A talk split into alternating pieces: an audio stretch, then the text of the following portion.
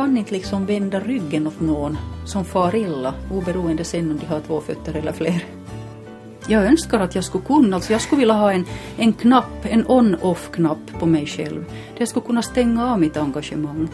Tänk vad lätt liv jag skulle kunna ha om jag inte skulle bry mig så otroligt mycket hela tiden. Det här säger Anne Manner som ni nu ska få höra ett samtal om livet. Mitt namn är Ann-Sofie Sandström. Hej! Jag måste bara... Ska det, det var 95 jag skulle... Ja, ja, ja. Jag besökte Anne Manner i Malax i mitten av september. Hej, hej! Roligt att se dig. Orsaken var den att jag i somras råkade läsa hennes bok Ta ett piller och var tyst och jag blev intresserad av orsakerna till hennes engagemang i vårdfrågor. Vi ska göra inspelningen i hennes skrivarstuga för inne i bostadshuset finns en jättestor hund och jag har en viss respekt för sådana. Det mindes Anne från mitt senaste besök för ungefär fem år sedan. Den gången handlade det till stor del om könsroller och Annes tid som skogshuggare och skogsingenjör. I skrivarstugan bor numera också en stor härlig katt som Anne i något skede har adopterat. Så nu kommer han ner här, hoppan. Oj! Ska du ligga där du då? Jag som tänkt att, att jag skulle ligga kaffe på revennen. Han kurrar ju sig till sitt namn. Han Ja, just Kurre. Och så fort jag kom i närheten så satt han igång och kurra. Oj vad Matti pjollrar, mitt Kurre. Jo, Matti pjollrar. Man blir nog rätt ganska katten, man blir lite... Jo, men jag, jag är nog hemskt alla djur.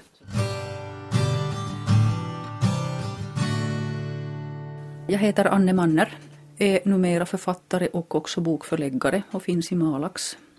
Jag har ju en bakgrund i, i skogsbranschen, blev färdig skogsarbetare någon gång på 80-talet och läste sen vidare till ingenjör och jobbade 13 år som verksamhetsledare på Övermarks skogsvårdsförening. Och sa upp mig för 11 år sedan och satt igång då och, och nu har jag skrivit på heltid då i, i 11 år. En hel del artiklar för, ja, jag försöker räkna efter hur många tidningar jag har levererat artiklar till men jag kommer aldrig ihåg riktigt alla men cirka 20 i Finland, Sverige, Norge och Danmark. Men det här, nu har jag lämnat också det bakom mig så att nu koncentrerar jag mig på böcker då. Och du har ett eget förlag. Jag har ett eget förlag som heter Empati. Hur kom du på att ta just det steget? Dels har det ju en ekonomisk sida, alltså jag, jag vill försörja mig på mitt skrivande och det kan jag inte göra om jag anlitar en förläggare. Och eh, för det andra så är jag inte så väldigt kompromissvillig när jag skriver om sånt som verkligen kommer från hjärta. Och då ska ingen komma och tala om för mig vad jag ska skriva och inte ska skriva. Så att allt mitt skrivande så startar med att jag upptäcker felaktigheter och sen är det både, både min empati och mitt rättvisetänkande som får mig att agera. Och då, då kan ingenting stoppa mig, alltså jag kommer som en ångvält. För att alltså jag, jag gör inte människor illa, jag kränker inte folk, jag, jag hänger inte ut folk. Men när jag stöter, speciellt då på översittare och, och sådana här besserwissrar, så då, då är jag helt hopplös. Alltså jag kör min väg fram. Och den som står i vägen och inte förstår då att vika undan i tid så, så kan nog få höra ett sanningens ord. Och det är då uttryckligen när jag försvarar någon som inte kan försvara sig själv eller är utsatt på något sätt. År 2007 kom Anne Manner ut med sin första bok och den hette Skogshuggar-Anne. Jag gjorde ett program med henne på hösten det året och då frågade jag henne hur det alls kom sig att hon sökte sig till skogsbranschen. Och så här svarade hon då. Det var en slump egentligen att jag hittade skogssektorn. Jag jobbade på Kronviks såg efter studentexamen. Och eh, eftersom min mamma har uppfostrat mig på det sättet att eh, det finns inga murar, hela fältet låg liksom fritt för mig för att jag, jag är inte uppfostrad enligt traditionella könsroller. Inte utesluter jag alls att jag skulle kunna göra någonting alldeles annat för att jag är nog en sån människa att jag, jag är väldigt nyfiken och jag tycker om att lära mig olika saker och, och just den här uppfostran jag har så, så har nog fått mig att, att våga på saker som andra kanske då drar sig för.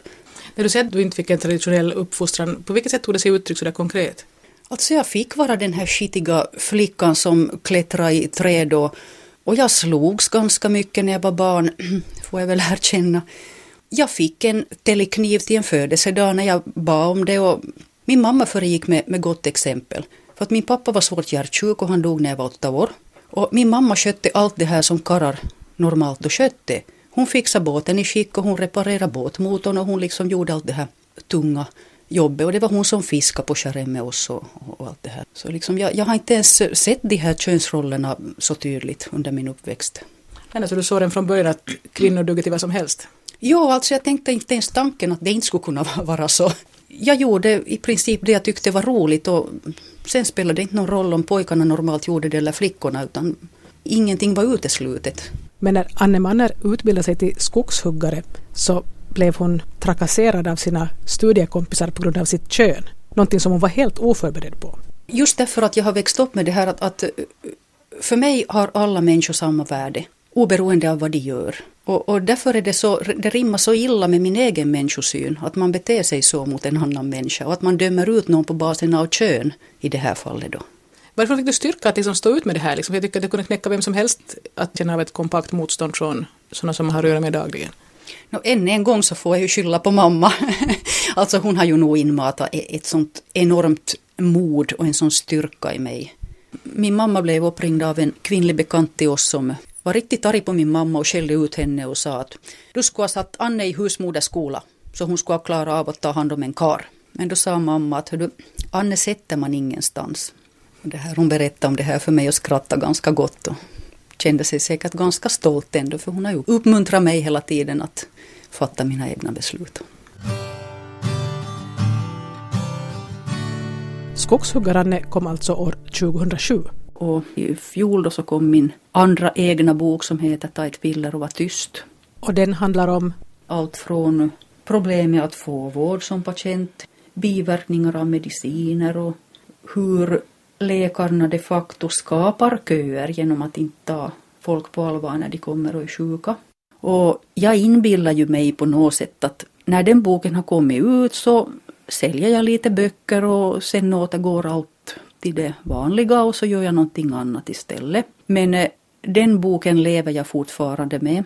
Jag har hållit väldigt många föreläsningar, jag får fortfarande förfrågningar och eh, responsen har varit så enorm att jag kan ju inte räkna hur många som har hört av sig men jag uppskattar att det rör sig om ett tusental personer. Då våren i fjol när jag då gav ut den här boken så räknade jag en dag hur många som tog kontakt och då var det 42 personer på en enda dag. Det var ingen ovanlig dag. Och det är liksom alla vägar. Det är telefon, sms, via min hemsida, mail, lappar i postlådan, brev, kort, via vänner och bekanta. Alltså det bara välde in. Och folk berättar ännu mer tragiska och upprörande saker. Hur kom det sig då att just Anne Manner skrev den här boken just då när hon gjorde det? Mm, jag är en av de här människorna som folk vänder sig till när de har bekymmer. Och jag bryr mig om människor på riktigt. Jag vet inte om det står i pannan på mig på något sätt att berätta gärna för mig för jag bryr mig om dig oberoende om jag känner dig eller inte. Men i vilket fall som helst så har jag hört enormt många tragiska och hemska berättelser just från vården.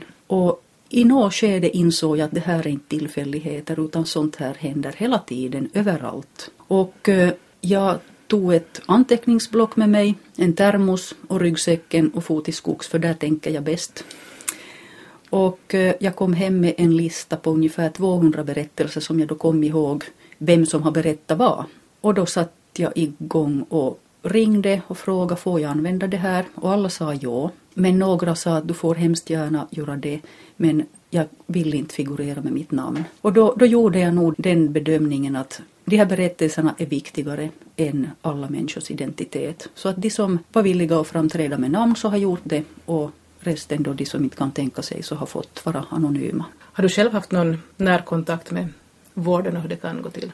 No, jag har nog i viss mån, men att mina upplevelser är nog småpotatis mot vad många människor har gått igenom. Däremot eh, den vård eller förvaring som min mamma utsattes för under sina sista levnadsår så är nog sånt som jag inte önskar någon. Där såg jag nog de här stora kontrasterna att en ideell förening i Vasa, Fylgia, så skötte min mamma extremt bra.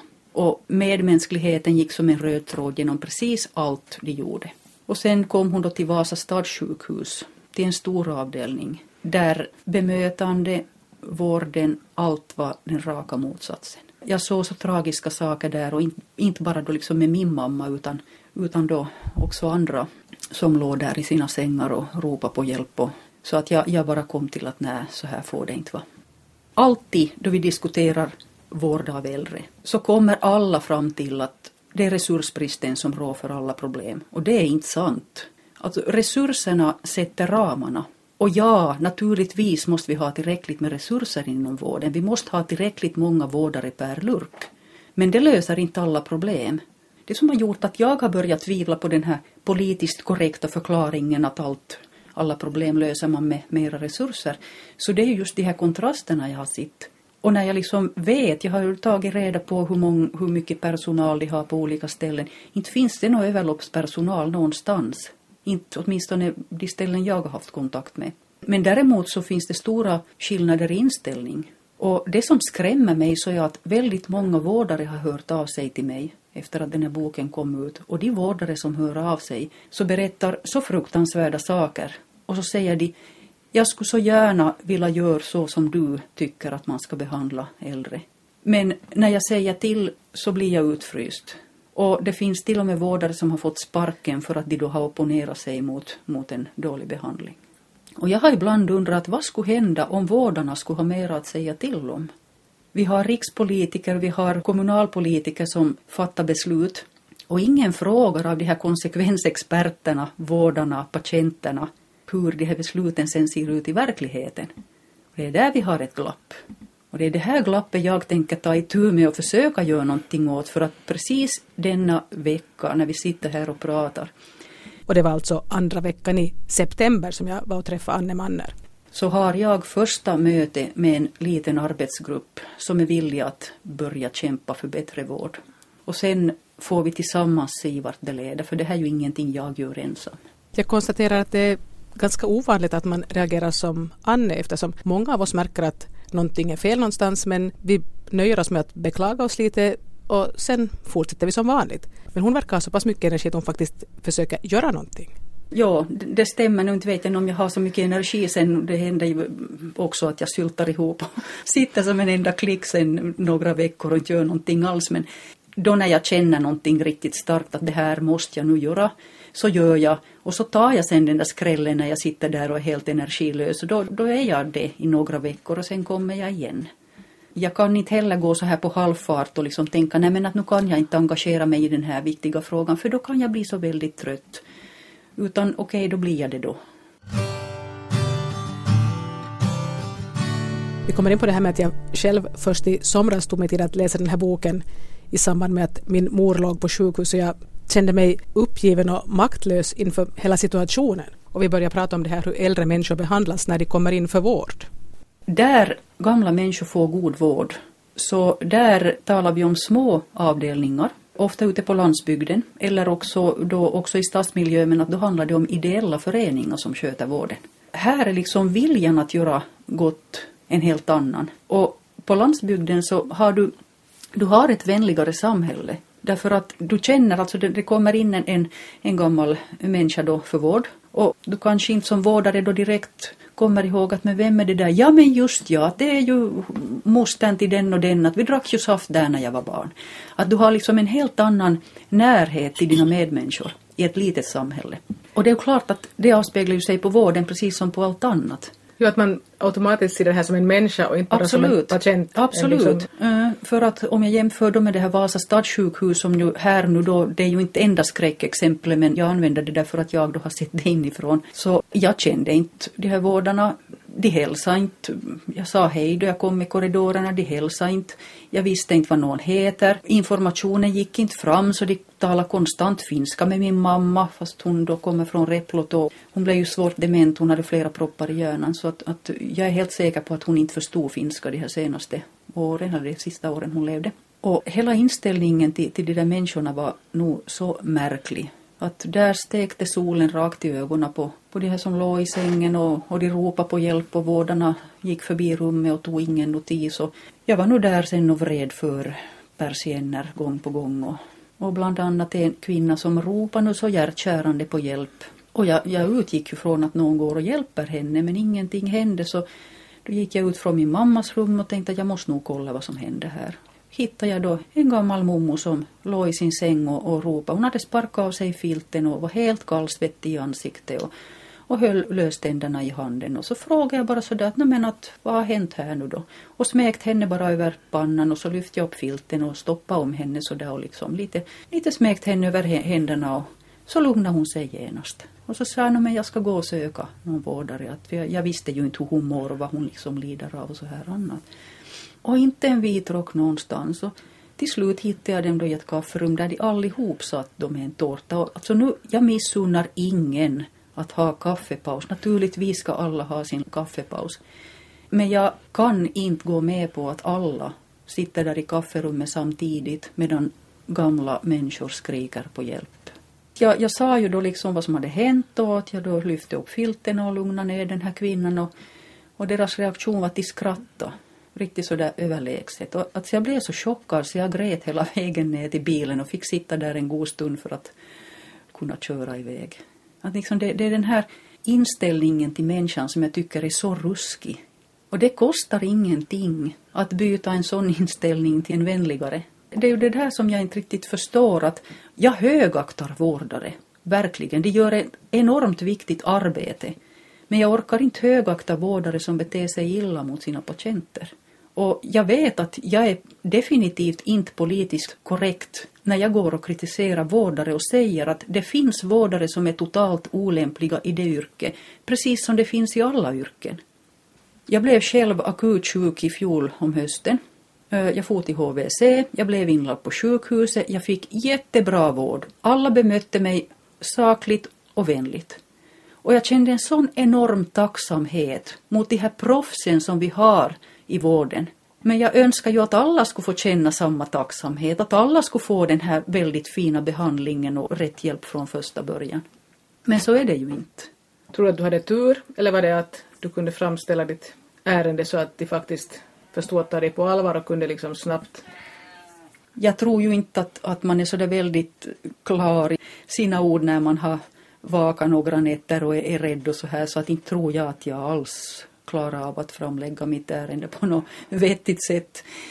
Men eh, läkaren här på Malax HVC så, så tog mig väldigt på allvar och det, det gör hon nog, vad jag vet, för det mesta. Att hon, hon är liksom erkänt en bra läkare. Och jag hade nog tur att jag kom till en sån. Och så hade jag ju ont på ett väldigt bestämt ställe och då vet de ju åtminstone lite var de ska börja söka så att de, de uteslöt då vissa saker och så, så blev det sjukhusfärd och och där konstaterade de väldigt snabbt vad, vad jag lider av och så fick jag medicin och jag blev inlagd ett dygn och, och sen var jag då på fötter igen. Och det är ju så här det ska vara och det är ju så här, då är det ju kostnadseffektivt och, och människor blir friska och det är frid och fröjd. Mm. Men det är värre ifall man har mer diffusa symptom som det inte riktigt ja. går att genast ja, få klart. Ja, det är alldeles sant och speciellt smärtpatienterna, de är nog illa ute. Men eh, på något sätt tror jag ändå att de läkare som tar de här verkande människorna på allvar så kommer nog snabbare till rätt resultat ändå. Kissi. Nu har vi en, nu har vi en katt här, som, här. Har vi en katt här som vill vara med. Få komma i famnen istället.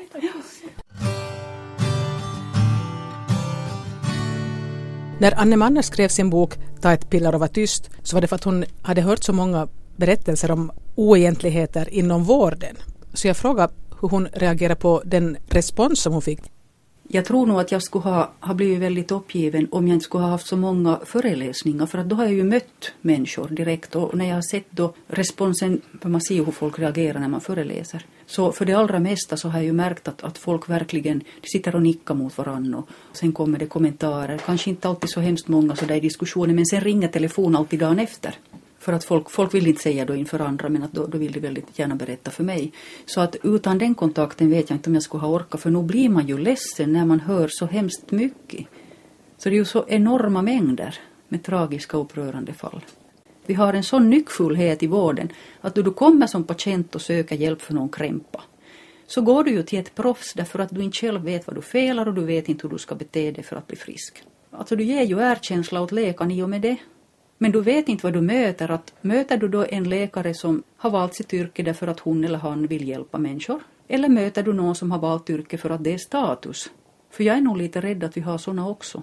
Sen vet jag inte, alltså människor är olika där också att alla läkare passar inte som läkare. Och det är väl inte bara det här status där som har lockat utan det, det är väl, ja no, varför nu folk sen väljer sina yrken men, men jag tycker att eh, just inom vården så även om man då är trött så har man inte rätt att bete sig hur som helst.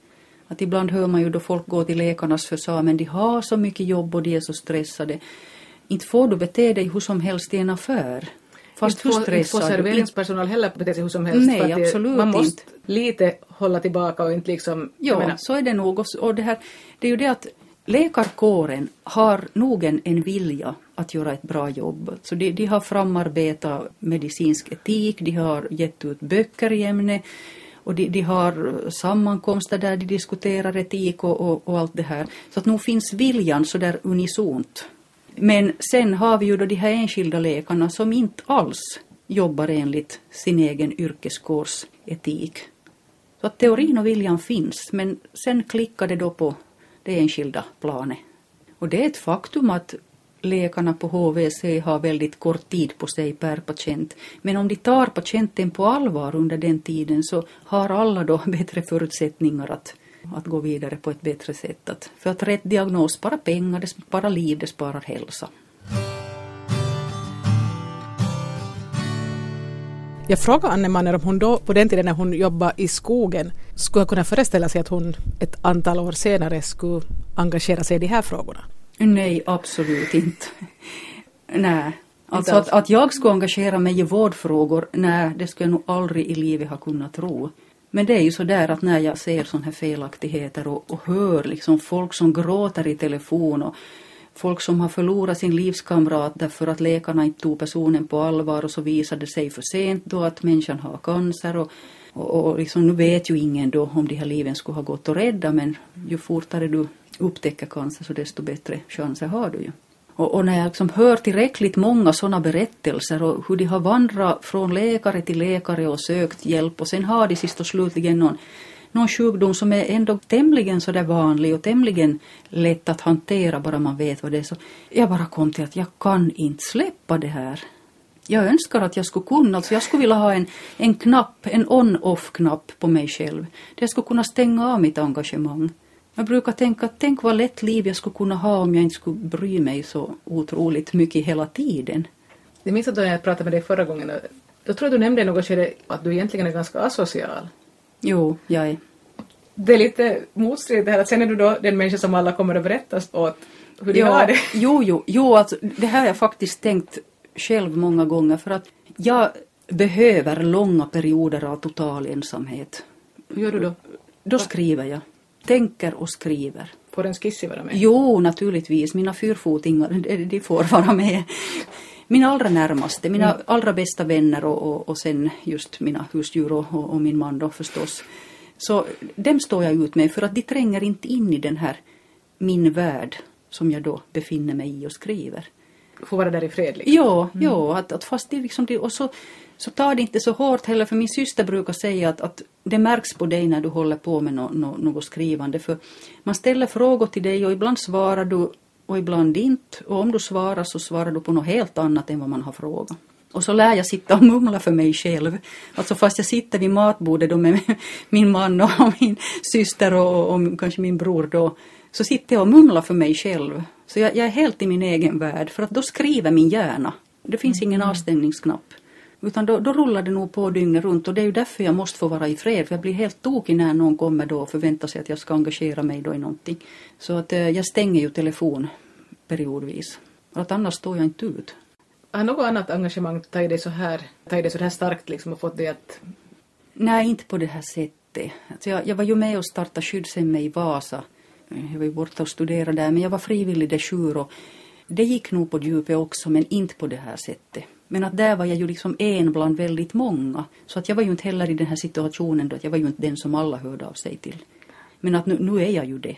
Så jag har ju känt mig som en terapicentral i ett och ett halvt år här nu. Att nu är det nog hög. Och det är såna här gånger som Anne Manner drar till skogs. För hon trivs ju fortfarande i skogen trots att hon inte längre vill jobba där. Jo, jag har ju börjat hugga tillbaka som i egen skog. Att det är ju jag som ser till att vi har brännved. Så att jag tar nog motorsågen och, och skyddsutrustningen varje höst. Jag har ju väldigt ont om tid men, men det här Någonting smått hugger jag nog varje höst. Det har jag gjort de här senaste, blir det nu kanske tre åren. Men minns jag fel, var det så att det var i samband med någon sjukdom som du själv då valde att börja satsa på det skrivande istället för att fortsätta att jobba med skogen? Jo, jag fick en ogrundad dödsdom slängd i ansiktet på mig när jag var 35 år. Jag hade en tumör men den var inte alls farlig men, men det här beskedet var då det. Den här läkaren som upptäckte det så, så var ju då att det här ser illa ut och den är ojämn och si och så stor och ser ut att växa och, och det blir operation och så blir det cellgiftsbehandlingar och du får bereda dig på svåra behandlingar. Och så Det frågade var jag- liksom första beskedet? Ja, ja. Och så frågade jag att, att vad är prognosen för det här? Ja, no, det beror på hur länge du har haft den.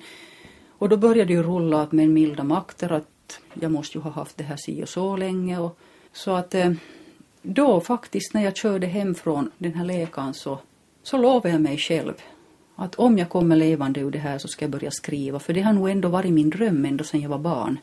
Men jag har aldrig velat bli yrkesjournalist.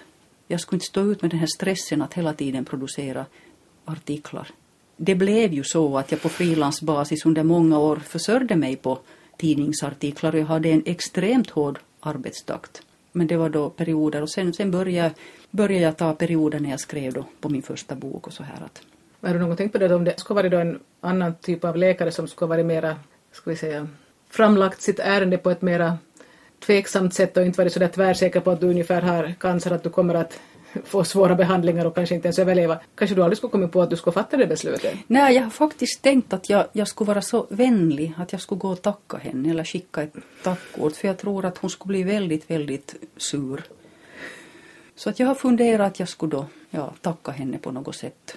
För att hon fick mig att bli författare. Att egentligen är det hennes förtjänst att jag har skrivit den här Ta ett piller och var tyst. I början av det här programmet sa Anne Manner att hon numera har ett eget förlag. Ger du också ut andras böcker? Ja, på försök gör jag det i höst. Men jag är inte säker på om jag fortsätter med det. Du menar att energin räcker inte till allt eller tiden Nej, det, allt? alltså det, det är så att det är hemskt mycket jobb med att ge ut andras böcker och så ska du hela tiden ha den här kontakten och du ska förklara saker och du ska hålla reda på tusen saker och det här har då mitt eget skrivande lidit väldigt av.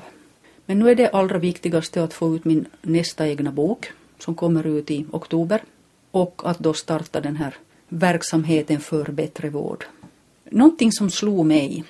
I fjol kom det så mycket klagomål om ett privat vårdhem för äldre så att ordförande för social och hälsovårdsnämnden tydligen blev tvungen att fara dit då på någon granskning.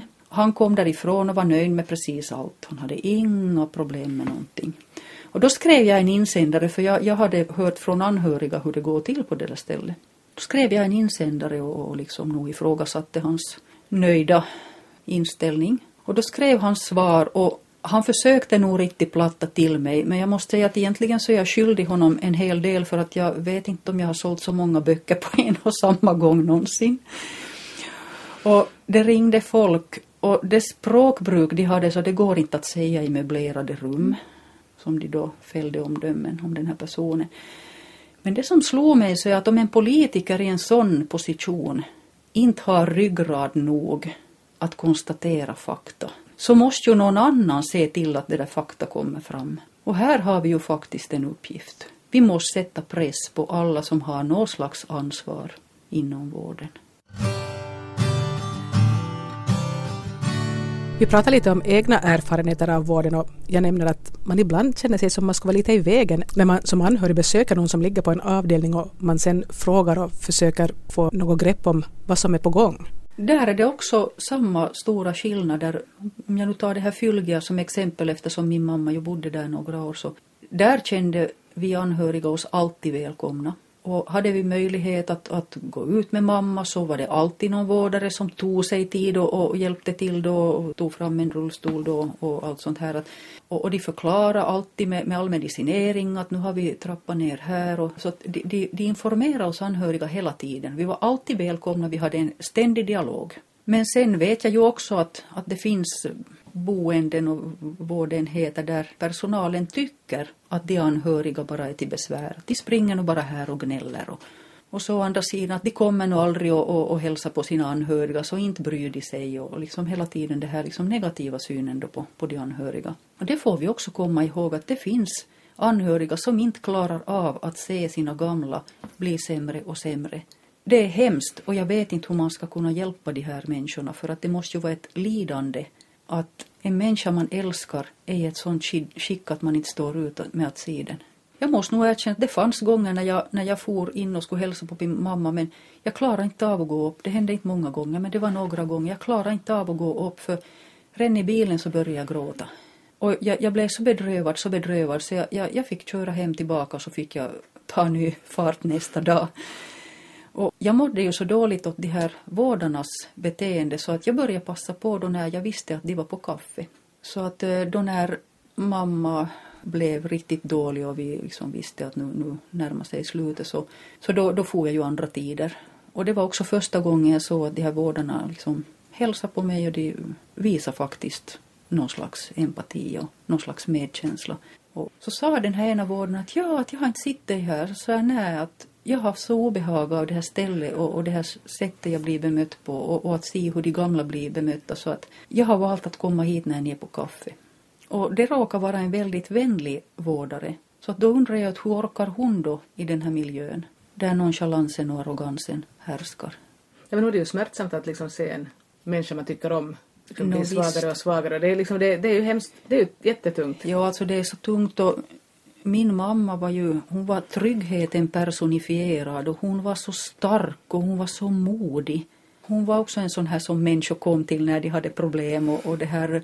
Som barn så vaknade jag någon gång någon morgon och då låg det någon vilt främmande människa nedbäddad någonstans då som har sökt hjälp. Ofta då undan en, en våldsam partner. Så att det var mammor och barn som var nedbäddade någonstans i vårt lilla hem och vi delade maten vi hade och jag menar jag kom ju från ekonomiskt väldigt knappa förhållanden. Men det här vi, vi delade vi hade och, och de fick en bädd och de fick trygghet och det var det att mamma ingav ju en sån otrolig respekt så att ingen våldsverkare skulle någonsin ha vågat sig på henne. Men att, att liksom se min mamma som ju då var så stark och, och så trygg och, och, på något sätt alltid den här klippan för så många. Att se henne brytas ner, det var ju smärtsamt nog. Men att sen dessutom se att hon blir illa behandlad av människor som finns där för att ta hand om henne. Det är en sån smärta så den blir jag aldrig någonsin av med.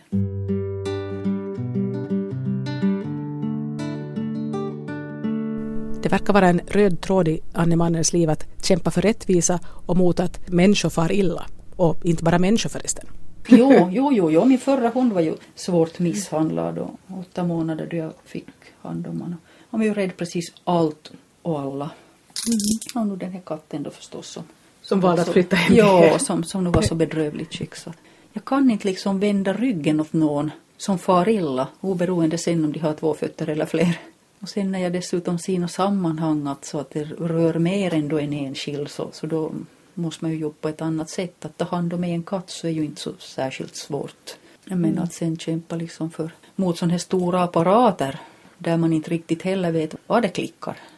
Och det här, det finns ju en bestämd orsak varför jag och min man fortfarande bor i, i Malax. Alltså vi, vi, vi trivs i Malax, det är ju liksom inga sådana problem. Eh, men min mans hemgård står tom paradiset på jorden att bo på, Söderfjärden. Men eh, ett stort fel är att hans hemgård ligger inom Vasa. Och varken jag eller min man vill bli gamla i Vasa. För att Malax har ändå en, en större vänlighet och du är inte lika anonym. Och, men att vi, vi har liksom inte tagit steget då att, att flytta till hans hemgård just därför. Nu vet vi ju som sagt ingenting om framtiden och så här men jag hoppas ju ändå att man ska kunna ha kvar också mindre vårdenheter för att det här som alla talar så vackert om att vården ska vara medmänsklig och allt det här så det försvinner ohjälpligt ju större enheter vi har. Och jag skulle gärna vilja se de här beräkningarna när de väljer ett privat storbolag. I Vasa då i tiderna för några år sedan så var det ju 50 cent per dygn. Men då tvivlar jag ju på att de här politikerna har räknat in förlusterna av pengar som far ut ur landet. Så att totalt sett så tror jag nog att det blir dyrare. Plus att vi får mycket sämre vård.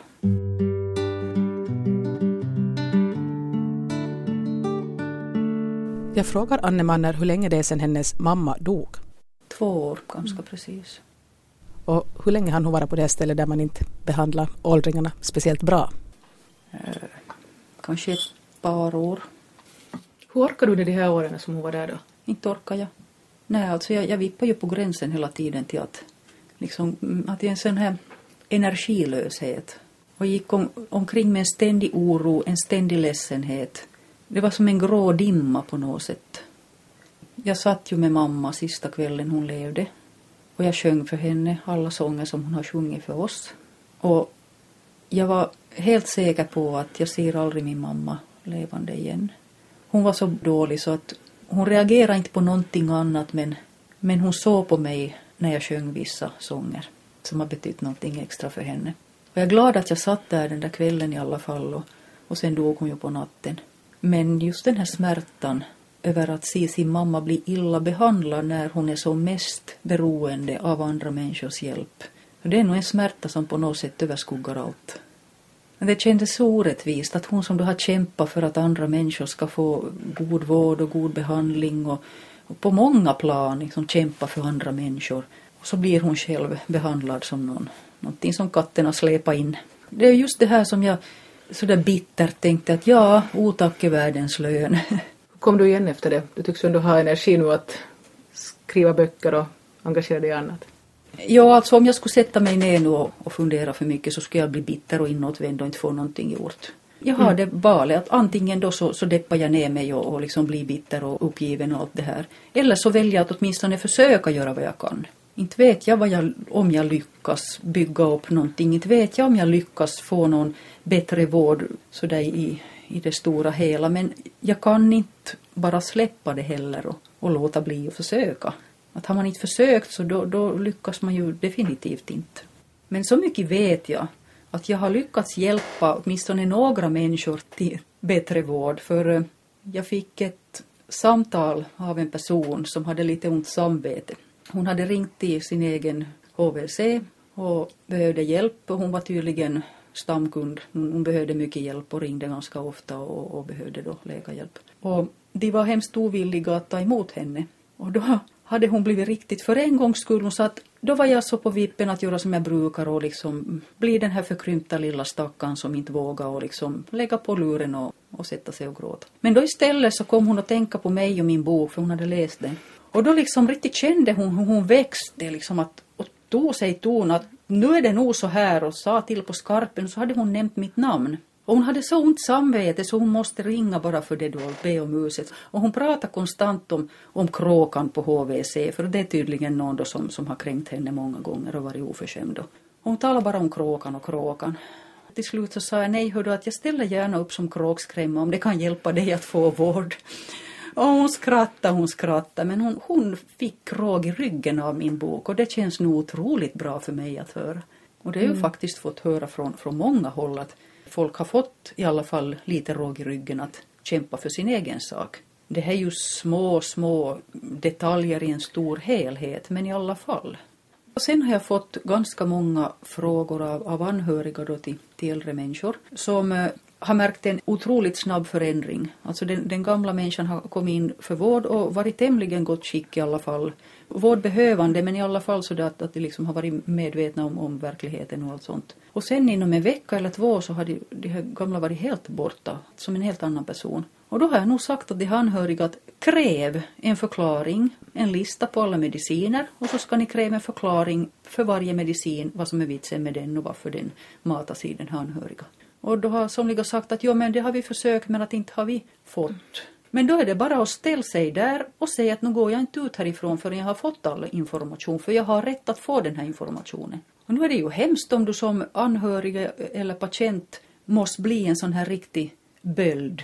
Men om det är vad som krävs så gör det då. För när det handlar om livet så kan man inte vara alltför snäll. Nej, och sen kommer då den här tanken när man själv inte har några arga mm. ungar som kan komma mm. där och mm, kräva. Precis. Ja, det är ju just det här jag skulle vilja komma åt, att det får inte hänga på om du har en anhörig som vågar orka kämpa för dig, utan du måste få den goda vården oberoende i vilken situation du själv befinner dig. Till slut frågar jag ännu Anne Manner ifall det är någonting hon skulle vilja tillägga. Kanske lite om framtiden. Min nästa bok kommer ut alldeles snart, här i oktober. Nu när det här programmet sänds så har boken antagligen redan kommit ut. Den heter För att jag bryr mig. Och jag har intervjuat 14 eldsjälar som gör någonting för andra människor eller för djur eller för natur eller för hela jordklotet bara därför att de bryr sig. Och eh, som följande ämne så kommer jag förmodligen att greppa arbetsplatsmobbning. För jag har blivit kontaktad av väldigt många som har varit med om väldigt ruskiga saker. Jag brukar vara avundsjuk på de här författarna som säger att nu har jag idéer till ett par böcker. Och det är aldrig så för mig. Jag får aldrig en idé till en bok. Utan det är någonting som sätter igång och växer och verkar. Och om jag inte skriver den där boken så spricker jag. Att de här egna böckerna, så de, de är aldrig idéer utan de, de verkar och spränger. Anne Manne berättade här tidigare att hon när hon var 35 bestämde sig för att satsa på att skriva och så småningom så lämnade hon skogsbranschen. Så jag frågar om hon tror att det ännu kommer att komma några sådana alldeles tvära kast i hennes liv. Alltså, jag inbillar ju mig när jag valde mitt yrke att nu ska jag studera till skogsbruksingenjör därför att då får jag frisk luft under arbetstid och, och jag har förhoppningsvis då ingen chef som flåsar mig i nacken för det går ju inte i skogsbranschen.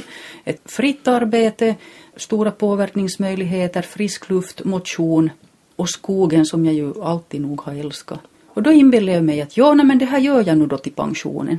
Men nu vet jag ju att det, det blir aldrig så. För att, att det kan nog ta så tvära kast så jag planerar ingenting mer än kanske ett halvår eller ett år på förhand så där liksom jobbmässigt. För att böcker tar ju ganska mycket tid att skriva så att där, om jag nu börjar på en bok så vet jag att det här gör jag nu då ett år framåt åtminstone. Men att jag planerar inte desto mer utan det blir nog bara som det blir. Det här sa Anne Manner i Malax i ett samtal om livet. Mitt namn är Ann-Sofie Sandström. Nästa vecka samma tid kommer ett nytt program i den här serien.